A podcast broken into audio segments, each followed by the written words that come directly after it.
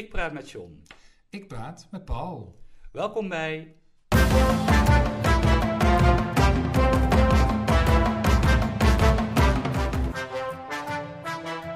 John en Paul hebben woorden. Nou, lekker met de voetjes in een bak met water. Heerlijk.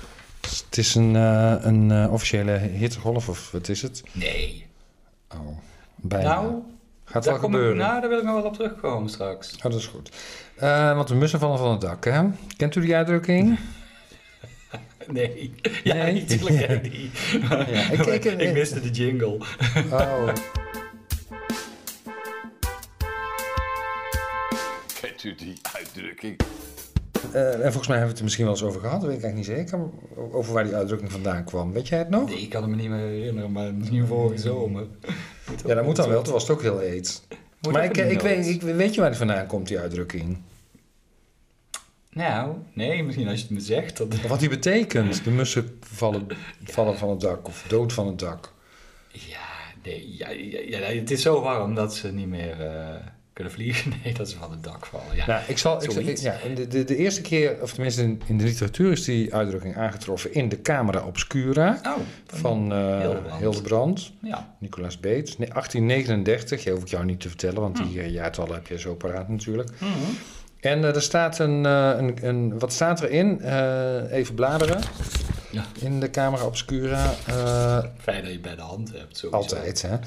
Eh, oh ja, hier staat het. Het was een brandend hete vrijdag achtermiddag in zekere Hollandse stad. Zo heet en zo brandend dat de mosschen op het dak gaapten. Het welk op gezag der Hollandse manier van spreken de grootste hitte is die men zich kan voorstellen. Dat staat er dan ook nog bij. Maar hij heeft het dus over mossen Mossen, ja. die gaapten. Ja, En dan denk je, oh, dan gaat het over mossen die van het dak vallen. nee, het stond er. Nee, want die kunnen niet gapen. Nee, en mussen wel zeker. Ja, mussen wel. Mussen kunnen een bekje opensperren, wat Nee. dan een soort van gapen is. Ja. Ja, nou ja, maar mensen denken vaak dat het om mossen gaat. Of er wordt wel eens gedacht, moet ik zeggen, dat het toch Ja. om mossen zou gaan. Dat dan op daken groeit en er afvalt Ja, ja. van de warmte. Maar eh, je spelt het dan, eh, althans zoals Hildebrand deed, M-O-S-S-C-H-E-N. Eh, en dat is dan toch echt mussen in Toch. die, in die tijd. Ja, dat wordt dan in de 19e eeuw zo geschreven. Ehm, en waarom dat gapen nou is veranderd in vallen, dat is niet helemaal duidelijk. Want dat ze gapen, dat kan natuurlijk. Hè, dat je gewoon helemaal suf zijn van, eh, eh, eh, van de warmte.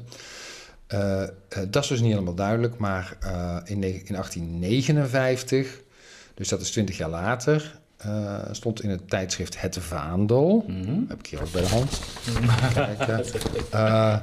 Ja. Wat staat er? Het was zo heet dat de mosschen, hè, de mussen, van het dak vielen. Ja. Dus toen is het al in die 20 jaar is het al geëvolueerd. Ja, Nou, zo zit het. nou, kijken of we het nu wel onthouden.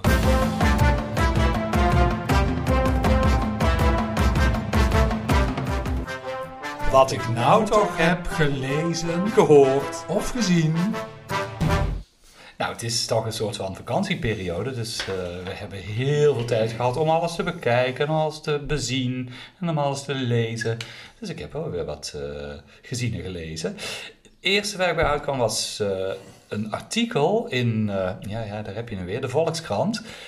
En daar stond een artikel in, een interview met Bert Wagendorp en Sheila Sitalsing. Columnisten. Alle twee columnisten, althans inmiddels zeg voormalig columnisten, want eh, na respectievelijk 16 en 11 jaar stopt een column op eh, de tweede pagina van eh, de krant. En in dat interview kwam het woord, en ik geloof dat Sheila Sitalsing het gebruikte, maar kwam het woord stamina voor.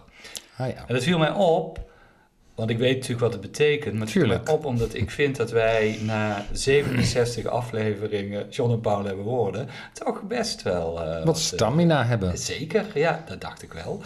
En het is namelijk eh uithoudingsvermogen. hè. Ja, het betekent nog wel andere dingen. Maar ik heb wel even nagekeken waar het eh, vandaan komt. Het is in andere talen is het hetzelfde. Hè. Ik- wij hebben het volgens mij uit het Engels overgenomen, na 1950 eh, pas. Maar het komt eh, oorspronkelijk uit het Latijn. En het stamt dan weer af ja, van stamen, stammen, stamen.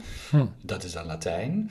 En dat betekent de schering van het staande weefgetouw Die, even kijken hoor, die door, ja dit is een beetje, of de door de Parsen, Parken, P-A-R-C-E-N, gewoven, gesponnen levensdraad. Kun je nou volgen? Nou, ik weet niet wat parken of Nou, parsen dan ga ik het zijn. jou nog even zeggen. De, de Parsen, dat zijn eh, de geboortegodinnen. Dat zijn eh, de godinnen die het lot van de mens in handen namen. Er Hm. zijn er drie van. En die spinnen de levensdraad. Ja, precies. Ja. Dus daar zit dan die, eh, die- dat eh, uithoudingsvermogen in. Ik snap het. Ja. Bijzonder, hè? Ja. Vond ik, eh, vond ik wel. Ander woord wat ik tegenkwam in een artikel. En dan moet je me niet vragen waar dat precies in gestaan heeft. Maar het viel me wel op. Is het woord kogellam. Kogellam. Ben je wel eens kogellam geweest? Is dat dat je heel dronken bent? Oh. Oké. Nee, ben ik nooit geweest trouwens. Nee. Nee.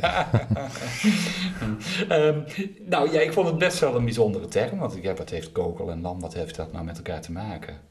Het is eh, dronken en eh, kogel. Ja? Nou ja, ik, en dan, ik kwam wel op, het nou, kwam wel op een grappige uitleg. Ik kwam uit bij de bachelorscriptie van eh, F.M. Melgers, geschreven in 2018. En die bachelorscriptie die heet Burger of Borrelaar.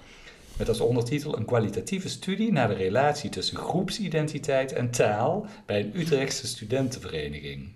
En die Utrechtse studentenvereniging is dan Unitas. Oké.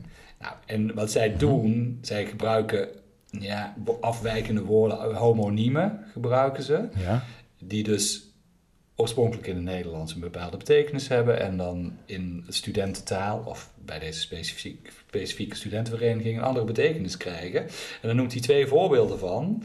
Peren, het woord peren, dat is natuurlijk gewoon een Nederlands stukje fruit, maar bij Unitas is het synoniem van drinken.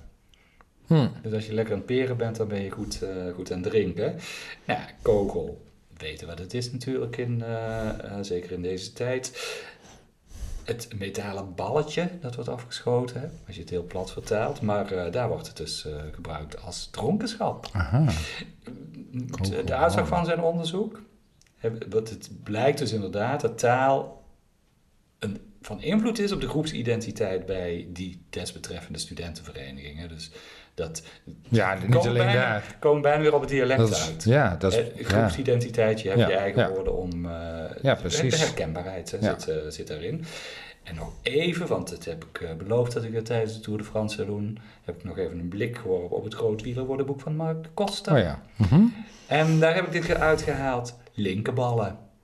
Linkerballen. Ja, Niet mooi woord. linker, maar linker. Linker, linkerballen. Ja. En ja, het, schijnt toch weer afkomstig te zijn van diezelfde Gerry Kneteman. Is het een werkwoord? Ja, linkerballen is een eh, werkwoord. Of een linkerbal is dan de persoon die het doet. En Mhm. linkerballen is de, de Ik zit niet zo te linkerballen. De linkerballen. Maar ja, ik vind het wel grappig dat hij ook weer bij, eh, bij die Gerry Kneteman... Die heeft het echt, toch echt best wel een invloed op onze taal Mhm. blijkbaar gehad. En wat je doet is profiteren van eh, de inspanning van een andere wielrenner. Hè? Dus zeg maar dat je met een kopgroepje vooruit zit en je weigert aan kop te gaan rijden. Maar aan het eind sprint je wel weg. En, Oh, eh, dat is- dat heet Dat, linkerballen. is linkerbal. Ja, je, je, de eigen de ander een oor aan naaien is het eh, een beetje. En er is ook een Franse uitdrukking van. Die vind ik ook wel weer mooi. Courir en rat. Nou is jouw Frans best goed, toch? Ja, ik weet niet of je het zo Courir en uitspreekt. rat. Ja, nee, ik heb idee. Ja. Rat. Zeg het maar. Rennen als een rat Mhm. is het dus, hè, dat is het dus hè, wat je dan uiteindelijk eh, doet, hè, dat er snel vandoor gaan. Of uh, ratagas, dat kan ook een rattenval. Je zet een rattenval. Oké, Ja, maar ik vind linkerballen misschien toch, eh, toch wel wat leuker. Ja, leuk hè? Ja. Die Gerry, God hebben Ja. zijn ziel. Zeker. Nou ja, zeker, dat weet je nooit. dat zeg ik nou wel. Ja. God Nou, we weet. hopen daarop. God weet, ja, Ja. God weet. Ja, had je nog meer eh Nee, nee, nee, nee, nee, nee, bijzonders? nee, nee, ik laat het graag aan jou. Nee, nou, in mijn, week, eh, in mijn week eh, heb ik een, een, een, een mijlpaal beleefd, namelijk het uitlezen van een boek. Nou ja, Ja, ja, ja. ja. bijzonder. Eh, nou, zo Helemaal zou het niet. Nee, nee ik heb, ik, ik, en dat wil ik toch even, wil ik niet onbenoemd namen, laten. Het boek van Philip Huff, Wat je Mhm. van bloed weet. Mhm. Heel mooi, maar ook een heel heftig boek. Het is redelijk autobiografisch. Eh, en het gaat over nou ja, eh, opgroeien in een gewelddadig gezin. Ehm, heel erg de moeite om, eh, om te lezen. Ja, wat me vooral is opgevallen is een quote die niet van Huff zelf was, Nee? maar van Albert Camus. Oh, vrijheid is niets anders dan een kans om het anders te doen. Vrijheid is niets anders dan een kans om het anders te doen. Ja, klopt. het. Kan zo op het. Ja, Heel zeker. mooi. Ja. Moest ook een beetje denken aan, Ja. eh, aan hoe heet ze? Janis Joplin, hoe heet dat? Eh, Freedom's just another Ja. word for nothing left to Left to lose. Ja, nou, dit is, het, is, het is ook wel, ik vind het wel een hele actuele uitspraak. Ja, Want zeker. ja, als je denkt aan het Hoge Rechtshof in Amerika, ja, om de abortusregels, als je denkt aan, eh, aan, aan, ook, aan de, ook aan de boerenprotesten, of nou ja, goed, je kunt Ja. op heel veel... eh, denk er maar eens over na. Ja, en het past ook heel erg bij het verhaal. Eh, dus het is niet uit de lucht komen vallen in het verhaal. Maar wel een, ja, een hele mooie en ehm, betekenisvolle spreuk. Eh, wat Janis Joplin dan ook van heeft gemaakt. Eh, het heeft waarschijnlijk niks mee te maken, maar dat is natuurlijk een andere definitie van, eh, van vrijheid. Ja, het Engels. niet. Ja, misschien ook. Ja. Misschien ook wel. En over Engels gesproken, hè, want dat is freedom. 1991. het, wat me ook is opgevallen is dat het steeds vaker voorkomt dat er geen... Wat? George Michael. Ja, daar moet ik ineens aan denken. Zo, toen je Oh. over je freedom begon. Ja, maar zo, daar kennen we heel veel. eh, Ja, oh ja, Als het oh om ja, de muziek Franklin. gaat. Oké, sorry. ja, ja, laten we, daar, eh, laten, we, laten ons niet op dat terrein Nee. begeven. Hè? Nee, wat me opviel, het komt steeds vaker voor dat er eh, geen goed Nederlands woord voor iets lijkt te zijn. Oh ja. Ja, vooral bij beroepen zie je dat dan gebeuren. Ja. Ja, eh, en, en die Engelstalige termen die komen er duidelijkheid ook niet altijd te goed. Maar misschien is het juist de bedoeling. Ja. Ik las in de krant een artikel over... Nee, ik las in de krant een Airport Operations Manager. Hm. Nou, je weet wel waar die werkt dan, hè, als je het in zo ieder geval op het vliegveld. Ja. ja, stond in de krant en het Brabants Dagblad, denk ik, Algemeen Dagblad... eh, een artikel over Eindhoven Airport. Mm. Over een, air- er werd een Airport Operations Manager gequote. Ze heet Carolien van Genen. Nou, Ja. Welkom Carolien als je luistert. Eh, en wat doet zij nou? Zij voorkomt dat de operatie, whatever that may be, verder in de soep loopt. Ja, de logistiek zou het denk ik kunnen Ja, betekenen. operatie hè. is de dus- operatie is alle Vind ik, afhandeling. vind ik ook hier een vreemd gevonden Nederlands woord. Want zo stond het er dus letterlijk als, eh, als verklaring Ja, nou, de, af- de afhandeling van alle zaken. ja, de operatie. Ja. Dat is wel heel, heel breed, hè? Afhandeling van alle... nou, zaken. Ja, kijk, Nou, ja. Nou, ja. ik denk dat ze gewoon eigenlijk de passagiers weg moeten werken. dat klopt. Nou ja, nou ja, goed. Maar ze moeten dus in ieder geval voorko- eh, voorkomen dat de operatie, en er stond er ook echt, verder in de soep loopt. Ja. Dus daar is al sprake van. is al van het soep. Ja. Nou, hoe voorkomt ze dat dan? Door een team aan te sturen. Nou, fijn. En dat Dat team team. bestaat uit... Ik weet het niet. Nou, je weet wat een floor manager is, Paul? ja, ja, ja. Nou, heeft hier niks mee te maken. Maar weet je ook wat een floor walker is? Want daaruit bestaat dus het team van de Airport Operations dan Manager. wel in die hal van dat vliegveld allerlei, ja, allerlei processen aansturen. Of in Processen ieder geval ervoor zorgen dat mensen op de juiste plek gaan staan. Wat betekent het nou letterlijk, floor walker? Een vloerloper. Ja, precies. Iemand die over de vloer loopt. En, en er dan ook voor zorgt dat eh, eh, eh, reizigers die op tijd op de luchthaven zijn, ondanks de lange rijen hun vlucht halen. En dat doen ze door proactief, dat wordt het echt gebruikt, mensen naar een speciale eh, Ja, te snap ik dirigeren waar je dan voorrang krijgt. Maar dit, dus ei- eigenlijk, ik kan in dit, deze context wel, het stopwoordje eigenlijk, zijn het gastheren en gastvrouwen?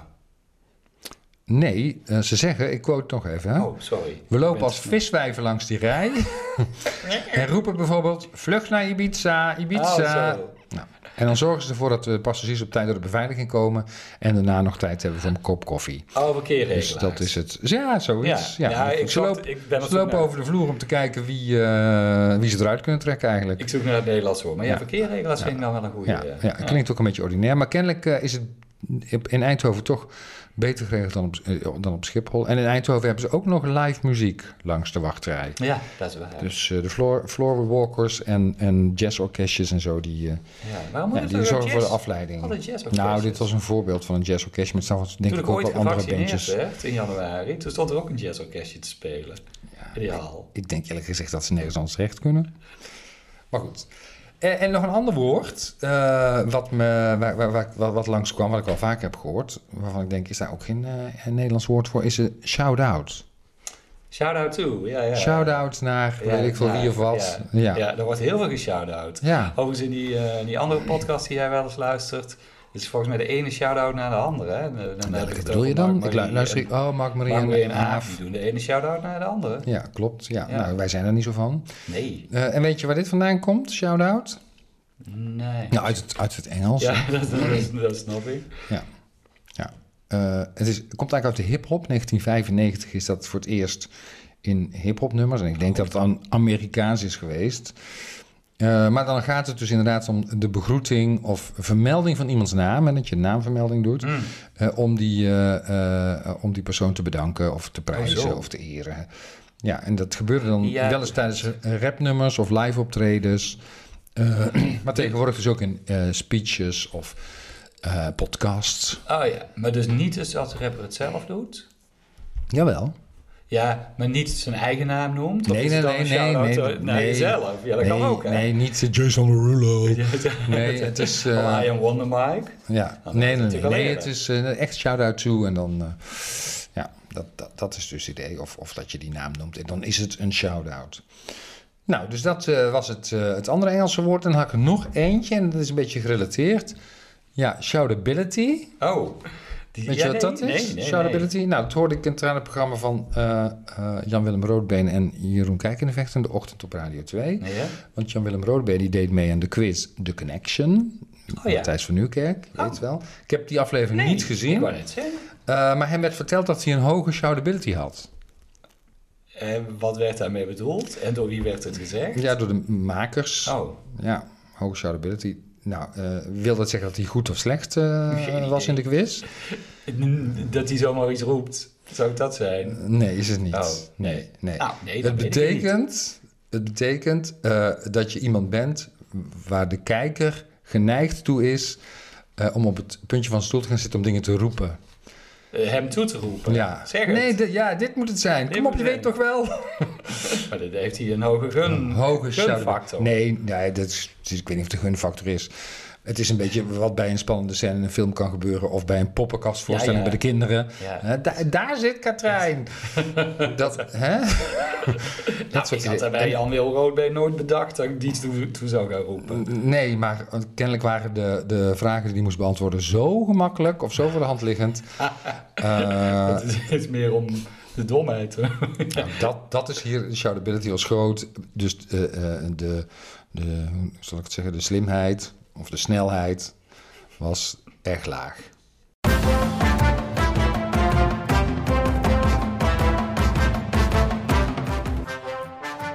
Een kwestie van taal.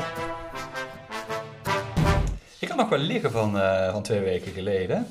Ik had me verdiept hè, in het uh, verwaarwoordenboek van eh, Jan Renkema. En toen Oh, kwam ja. ik toch wel een leuke tegen. Het verwaarwoordenboek, vaak gaat het dan om twee woorden die soms net een iets andere betekenis hebben. En dan ja, kunnen ze of, ja, nee, ze kunnen hetzelfde betekenen of net een iets andere betekenis hebben. Zo moet ik het, eh, zo moet ik het zeggen. En ik bleef even hangen bij eh, de woorden citaat en quote. Oké. Nou, dat zijn natuurlijk woorden die afkomstig zijn uit een andere talen. Citaat gebruiken wij in het Nederlands. Quote is vanuit het Engels eh, toekomen waaien. Ja. En daar is volgens Jan Renkema een interessant taalverschijnsel eh, te zien. Dus er een verschil. Nou, nee, daar kom ik zo meteen op terug. We- Hij refereert even aan Alexander von Humboldt. Ik weet niet of je hem kent, is een Duitse wetenschapper uit de 19e eeuw. Volgens mij is er een universiteit eh, naar hem genoemd. Dat is niet zo heel eh, relevant. Maar volgens die van, van Humboldt streeft elke taal naar een één-op-één relatie tussen vorm en betekenis van woorden. Dus je wilt eigenlijk niet dat er dan een dubbelganger komt. Dus in dit geval uit een andere taal een woord wat hetzelfde betekent, betekent als een woord dat er al is. Dus het woord citaat hadden we al en uiteindelijk is daar quote bijgekomen en dan gebruikt in de, de Nederlandse taal. En volgens hem zijn er dan, eh, gaan er dan mechanismes in werking en zijn er drie mogelijkheden wat er dan kan gaan gebeuren. Dat was wel, vond ik wel een grappig om even... Ik ga ervoor zitten. Ja, nou de eerste, het bestaande woord verdwijnt. Dan hoef je even, citaat, quote, kom ik straks op terug, maar citaat, quote, ehm, citaat is niet verdwenen. Hè? Dus de- deze is daar al niet eh, van op toepassing. Dus het bestaande woord verdwijnt. Hij noemt wel voorbeelden. Want wij hebben het eh, bijvoorbeeld volgens hem niet meer over golf, op de golfbaan. Golf. Golf, Ja, ja. dat heette dus in het vroegere Nederlands heette dat golf, K-O-L-F, en de golfbaan. En we hebben het ook niet over Mali of over het Mali-spel. Nee, En dan weet je dus vast niet meer wat dat is. idee. Mali is het, nou moet ik even, eh, dat ik het even goed zeg. Even kijken, de Mali is een stick en het Mali-spel is hockey. Oké, En wij kennen daar nog het Malieveld van. ja. Dus dat, daar Dat kan ik dat, volgen, eh, ja. dat eh, gespeeld. Dus, maar die woorden zijn dus uit de Nederlandse, dat was de eerste optie. Hè, dat het oorspronkelijke woord verdwijnt uit onze taal. Mhm. De tweede optie is dat het buitenlandse woord weer weggaat. Ja, En daar zijn ook voorbeelden van. Hè? In het voetbal bijvoorbeeld hadden we het eh, lange tijd over een free kick.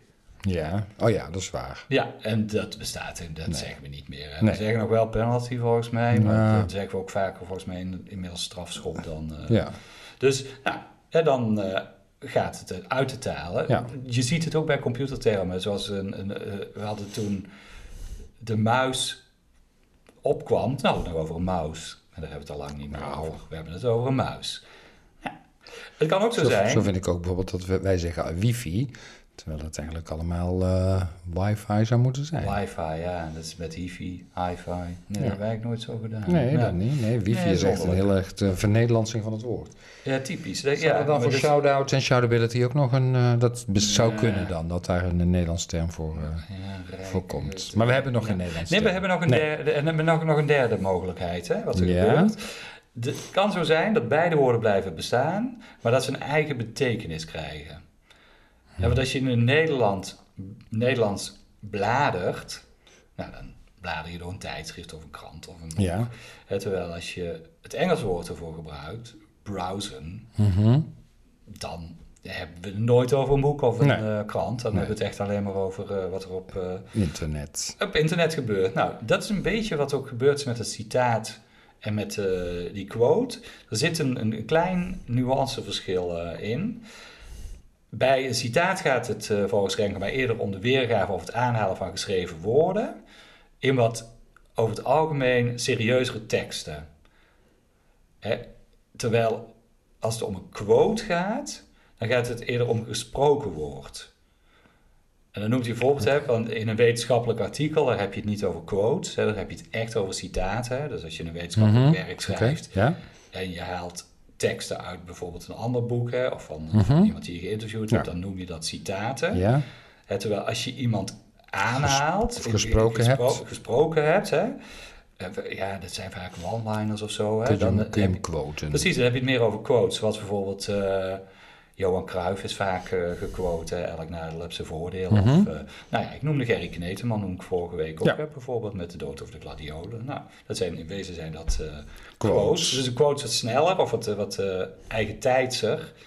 En ja, als je dan weer terugvertelt naar een krant, dan kun je zeggen dat in de nieuwsartikelen vaker quotes staan. Terwijl als het om een achtergrondverhaal gaat, dan, Dan- heb je wat meer, meer citaten. Citaten. Dus dat is eh, het verschil. Ik, vond het wel mooi, die drie eh deling, die drie mogelijkheden die je hebt als er buitenlandse woorden in je taal binnendringen.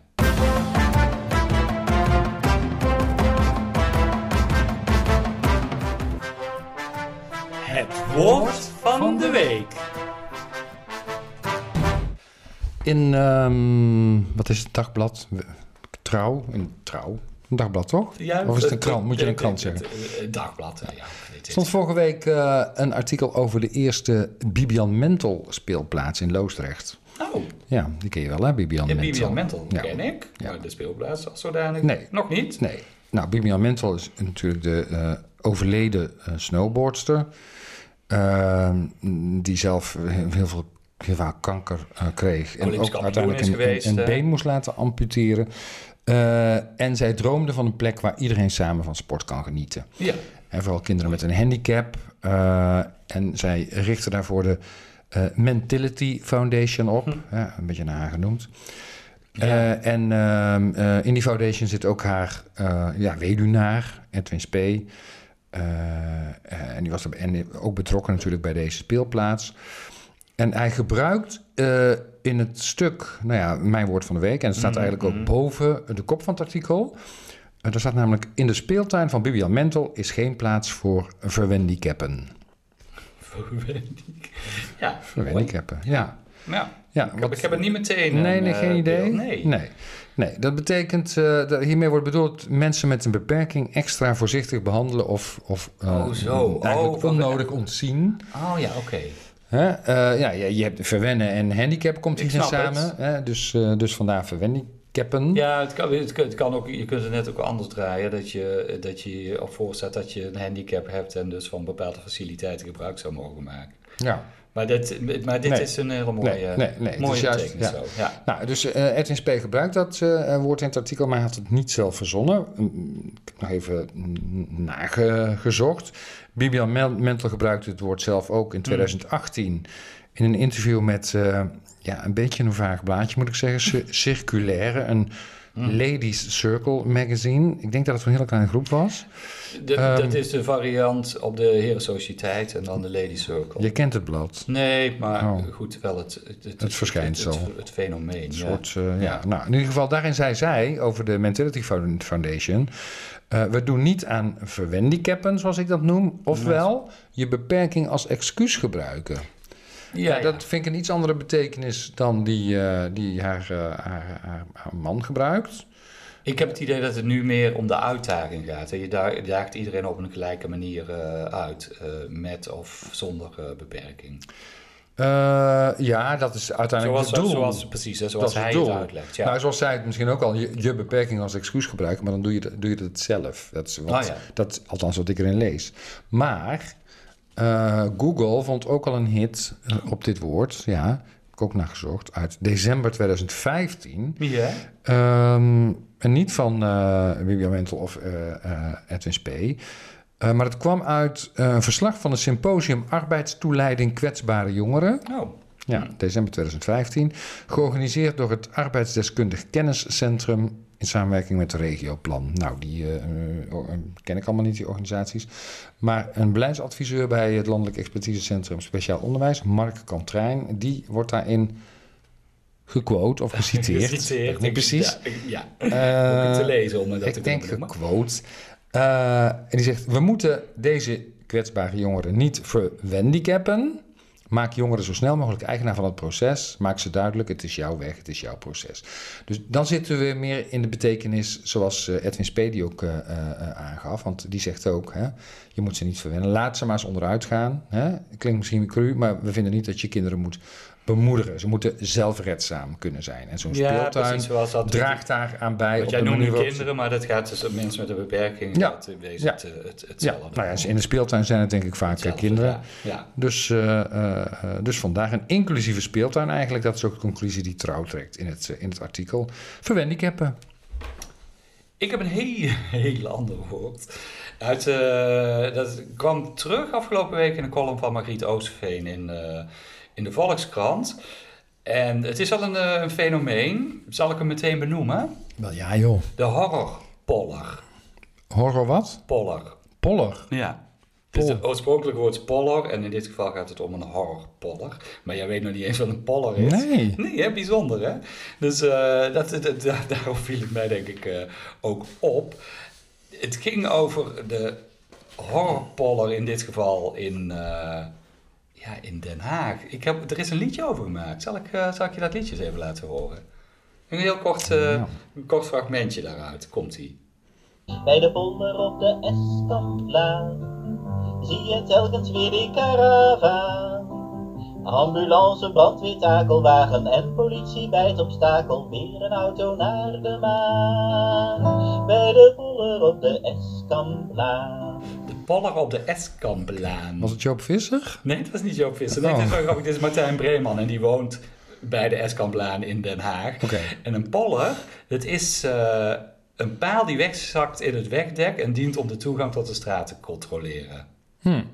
Je kent ze wel, hè? want je hebt ze in alle steden, heb je ze. Ja. Heb je er een beeld bij? Nou, Nou, ja. Dat ding komt dus onverwachts omhoog. Ja, het heet, het heet een poller. Ja, en daar willen dus wel eens auto's eh, Tegenaan rijden. tegenaan rijden. En Of, bij die, of ze worden geraakt in de bodem. nou, bij die poller op de Eskamlaan. Dit nummer is van eh, augustus 2021. Maar er zijn eh, afgelopen jaar zijn daar 35 auto's tegen aangebotst. Zo. Dus dit was dus een horrorpoller. HB Technical Services is een installe- installateur van die, eh, van die pollers. Die zegt, het heet ook wel pillars of bollards. Shout-out naar HB. Ja, het, het, het, ja, het, het, deelt de hek, het woord komt van bolder, aanmeerpaal. Mhm. En beide woorden Oh, ja. stammen dan weer af van het oude Franse poltre.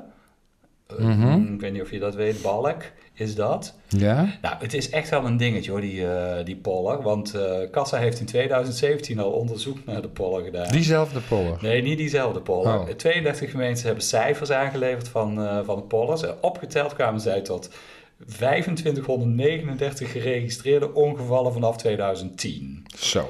En de schade aan de pollers zelf, we hebben het niet over de auto's, de schade aan de pollers bedroeg al 7,7 miljoen euro. Niet. Maar in Den Haag hebben ze een oplossing gevonden. dus daar, daar ging het bericht eh, Ja? vorige week over. Er komt een waarschuwingsbord. De pollers worden aangelicht. Er komt een permanente bewaking van de pollers door twee verkeersregelaars. Die hebben een eigen dictie en een bouwkeet. De poller wordt van kleuren voorzien. Het wegdek krijgt een kleur. En de verkeerssituatie wordt gewijzigd door de twee in rit afgesloten. Oh, maar dat is een stuk goedkoper. Ja, het is allemaal veel. Dus ik denk dat het, eh, het verhaaltje nog wel een eh Een staartje krijgt. De horrorpoller. Hmm.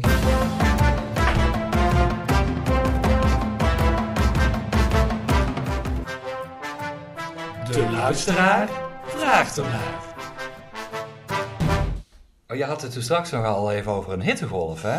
Ja, je wilde natuurlijk toch Ja, eh, weten. we staan op, aan, eh, eh, denk ik aan het begin van dit hoor. Ja, nou, kreeg op, toevallig... op dit moment. Ja, wij- kregen een vraag daarover van, eh, van een luisteraar. En die vraag was als volgt. Ze merkt op, deze luisteraar, een hittegolf is toch niet slecht voor het klimaat? Dat is toch gewoon het klimaat? Oh ja. Nou, even zoeken dan maar. Hè? Wat is nou klimaat? Wat is weer? Wat is hittegolf? Mhm. Nou, het klimaat is, een, eh, gemiddeld, is het, het, gemiddelde weer over een bepaalde periode. En die periode is, eh ja, KNMI rekent dan 30 jaar en dan gaat het over temperatuur, vocht, luchtdruk, wind, eh, bewolking en neerslag. Dat wordt allemaal meegenomen in de berekening van het klimaat over die langere periode. Mhm. Het Oh. weer Ja? is, ja? Had je, Nee, ja. had je anders gedacht? nee, ja, 30 jaar wist ik niet. Maar Nee, en het weer is zoals de atmosfeer nu of in de aankomende dagen zich ontwikkelt. Hè? Dus en dan gaat het om temperatuur, neerslag, bewolking, Mhm. luchtvochtigheid en Ja. wind. Hè? Die nemen we dan, eh, dan daar weer in mee. Nou, een hittegolf, is een gevolg. Nou, dat kan het dus zijn. Dat is wel boeiend. Eh, Dus, het antwoord op de vraag van de luisteraar: een hittegolf is toch niet slecht voor het klimaat? Nee, natuurlijk niet, want een hittegolf maakt deel uit van het klimaat of deel uit van het weer. Mhm. En als het dan om een lange periode gaat, dan kan het deel uitmaken van het eh, klimaat. Maar de hittegolf op zich is niet slecht eh, voor het klimaat, want maakt daar deel van uit. Dus nou kunnen we daar wel iets meer over zeggen. Een hittegolf, en dat is maar de vraag of we die daarom nu een krijgen. Minimaal vijf zomerse dagen, dat is een maximumtemperatuur van 25 graden of hoger. Ja. Waarvan er minimaal drie tropisch zijn, dus een maximumtemperatuur van 30 graden of hoger. Ja. Nou, volgens mij als we nou deze week kijken, nu zitten we op de dinsdag, nou, nou, is, het, nou is het echt bloedje heet, hè? ja. Ik Het is maandag trouwens. Oh nee, het is dinsdag. Ja, het, is, het is dinsdag, Ja. hè? Dus ik denk niet dat... ge- Gisteren hadden we ook een eh, meer dan 30 graden dag. Maar zoals het er nu uitziet, wordt het eh, morgen alweer minder. En gaat het dan gewoon onder de 25 graden. Dus ja, of net denk, niet. Ik denk niet dat we een... Nee, dat we die Ik denk 30 niet dat we de hittegolf eh, gaan krijgen. Het is wel boeiend als het dan om het klimaat gaat. Heb ik dan toch ook nog maar even nagekeken. Sinds 1901 zijn er 29 hittegolven geweest. Waarvan de langste overigens in de jaren 70 van 18 dagen. Dat is best een, eh, een behoorlijke. Ik geloof in 74, maar doe ik heel even uit mijn hoofd. Maar als je nu ziet van eh, die hittegolven, zegt dat nou iets over het klimaat en over de verslechtering van ons klimaat? Hè? Moeten we daar ons nou zorgen over maken? Nou, dan vind ik het best wel vallend dat van die 29, 29 hittegolven van de laatste 120 jaar er 13 zijn in deze eeuw. Oh, Dus dat is best een groot aandeel. Hè? Dus Ja. als dat zo aanblijft, hè, dan komen we deze eeuw komen we dan uit op eh, meer dan 50 hittegolven. hm, Nou, heftig. ja, En interessant ook wel. zeker. Ja. Vond ik ook. Boeiende vraag. Ja. Eh, ja, goed. En eh, we gaan dan wel of niet eh, een hittegolf beleven, maar we gaan in ieder geval wel de warmte in. Want de vakantie breekt aan. ja. En ik moet even denken aan het tegeltje wat ik aan het begin van Philip Huff eigenlijk, of Albert Camus, benoemde. Vrijheid is niets anders dan een kans om het anders te doen. Ja. Nou, vakantie is ook vrijheid. En wij gaan het ook wat anders doen. Want we gaan tijdens de vakantieperiode gewoon door. Jee. Ja, toch? Zo. Ja, de komende vier weken gaan we een paar thema-afleveringen maken. Iets korter dan de reguliere podcast, maar ik denk minstens zo vermakelijk, Dus toch? we zijn er gewoon iedere week. Ja, gewoon weer op dinsdag, eh, hè, dezelfde tijd. Nou, misschien dat het iets later wordt, je weet het niet. Hè, als het echt warm is en we eten wat later, dan eh, kan Nou, het zijn dat we iets... We gaan uit van de dinsdag en dan is hij gewoon te beluisteren. Zo is dat. Ja, Ja. Ik zou zeggen, we gaan het hoofd koel houden. heel cool. Dag John. Dag Paul.